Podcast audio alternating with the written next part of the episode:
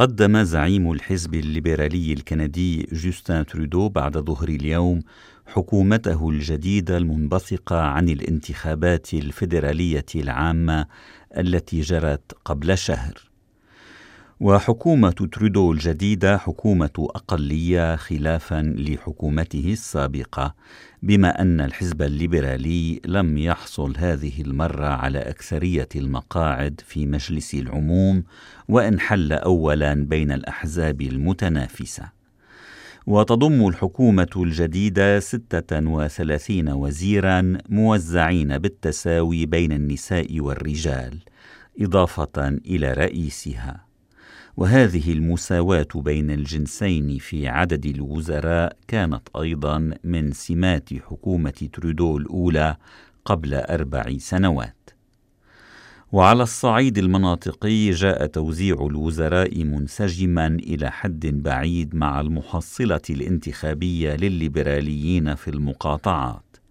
فسبعة عشر من أعضاء الحكومة الجديدة أي نصفها تقريبا يمثلون أونتاريو في مجلس العموم الجديد وبلغت حصة كيباك عشرة وزراء.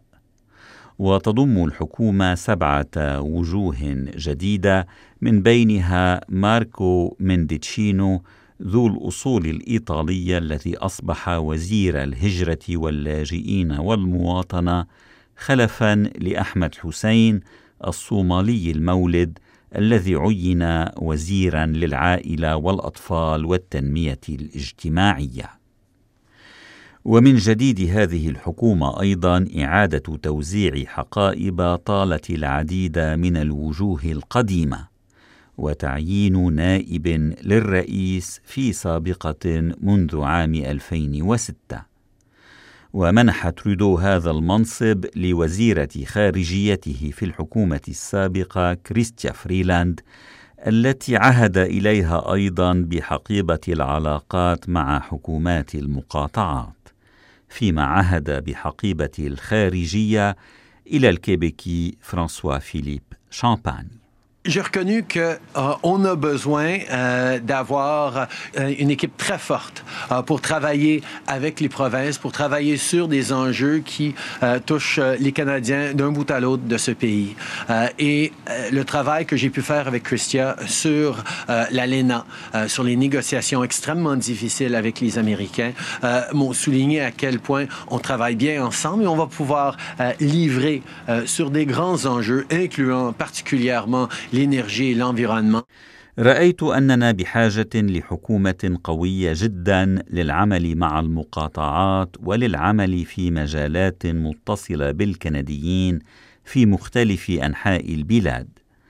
والعمل الذي قمت به مع كريستيا فريلاند في ملف نافتا في مفاوضات بالغة الصعوبة مع الأمريكيين أظهر لي إلى أي مدى نعمل معا بشكل جيد.